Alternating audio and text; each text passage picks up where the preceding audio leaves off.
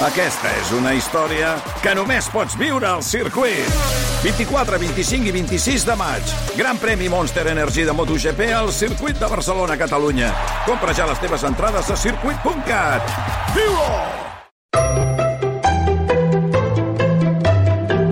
Històries per explicar a l'hora de sopar.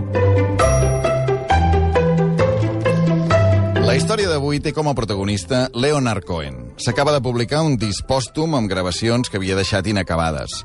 Però la història, la que us explicaré avui, no té a veure amb aquest últim àlbum, sinó amb el primer. Som a Hydra, una petita illa grega l'any 1960. Un jove Leonard Cohen, fill d'una família jueva de la burgesia canadenca, i arriba amb l'expectativa de trobar-hi un paradís creatiu. Fa un parell o tres d'anys que a Hydra s'hi han anat congregant artistes de tot el món. Pràcticament no hi ha ni aigua corrent i si et vols desplaçar ho has de fer en asa o en mula. Els cotxes estan prohibits. Cases modestes aquí i allà, un port de pescadors i alguna taverna. De banda sonora, les cançons que acaba de composar el veí ajagut a la terrassa. Tot plegat molt hippie. Passen unes quantes setmanes. Un dia, una noia noruega de 25 anys se'n va a comprar menjar al colmado de l'illa i es topa amb Leonard Cohen. Se saluden, parlen, es cauen bé i el convida a prendre alguna cosa a una terrassa amb els seus amics. És la primera tarda de moltes que passaran junts. Ella es diu Marianne Illen. Dos anys abans que Cohen ja voltava per Hydra. Està casada amb el novel·lista Axel Jensen, però és un matrimoni tempestuós i acaba malament. Ell l'abandona per una altra dona, just quan acaben de tenir un fill. Cohen i Illen es veuen cada dia, primer com amics i després com amants. El poeta fins i tot es compra una casa perquè hi puguin viure plegats. En aquell moment, Leonard Cohen ja és un poeta reconegut al Canadà. No té cap intenció encara de convertir-se en músic, però sí que porta la seva guitarra. Quan es pon el sol, li canta cançons de bressol al fill de la Marian, que també viu amb ells. Però és amb la seva Olivetti Verda amb qui passa la majoria del temps. S'escrivia i es feia l'amor. Així ho resumia la pròpia Marian anys més tard al documental Wars of Love. Es feia l'amor en el sentit més ampli de l'expressió.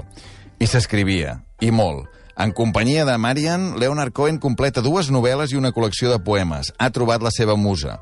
Ell busca la inspiració a través de l'LSD i l'espit. Ella procura que sempre hi hagi menjar a casa i cuida el poeta quan està en hores baixes. Recordem, anys 60. La parella va i ve d'Hidra, on fan llargues estades en una bombolla. Passen sis anys de relació que es va deteriorant a poc a poc, a mesura que Leonard Cohen es va fent famós. Abans estaven junts pràcticament tot l'any, ara ja només es veuen dos mesos, després dues setmanes i finalment dos dies a l'any.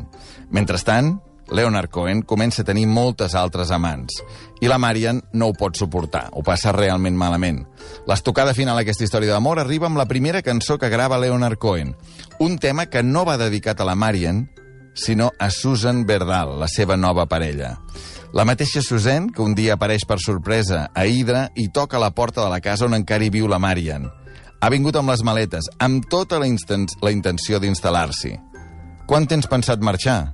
Pregunta la Susan a una Mariana atònita. El 1967, Cohen publica el seu primer disc, Songs of Leonard Cohen. La cançó que l'obre és Suzanne.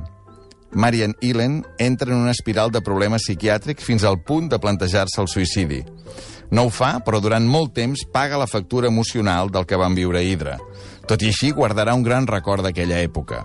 Cohen li continua enviant diners a Marian i al seu fill després de la ruptura i segueix dedicant-li cançons. La sisena cançó, dels Songs of Leonard Cohen, s'havia de dir Come on, Marian. Som-hi, Marian. La versió definitiva, però, és So Long, Marian, que vol dir Fins aviat, Marian. Una cançó d'amor i de comiat. L'autèntic comiat, però, arribarà en forma de carta 50 anys més tard. Marian Illen està molt malalta per una leucèmia. Un seu amic avisa Cohen i aquest de seguida es posa a escriure escriure-la. Marian mor el 28 de juliol de 2016 amb 81 anys. Abans, el mateix amic li ha recitat les últimes paraules de Leonard Cohen, les que li ha escrit, les del seu amant d'Hidra. Diu Cohen, ha arribat el temps en què som tan vells que els nostres cossos cauen a trossos i crec que et seguiré molt aviat. Sàpigues que estic només una mica més enrere, tan a prop que si allargues la mà podràs agafar la meva. Sempre t'he estimat, per la teva bellesa i per la teva saviesa, però no cal que digui res més perquè sé que ja ho saps, tot això. Ara només vull desitjar-te un bon viatge. Adeu, vella amiga. Tot el meu amor. Et veuré pel camí. Tres mesos després, mor Leonard Cohen. Històries per explicar a l'hora de sopar.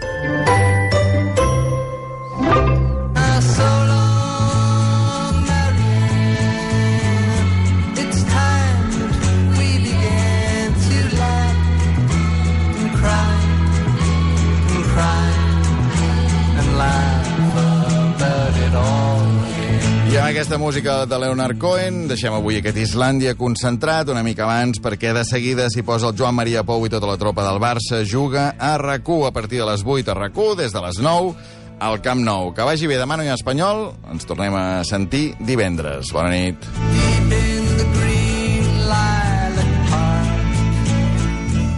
Amb la sirena, que fàcil és menjar bé. La sirena us ha ofert Islàndia, amb Albert Om.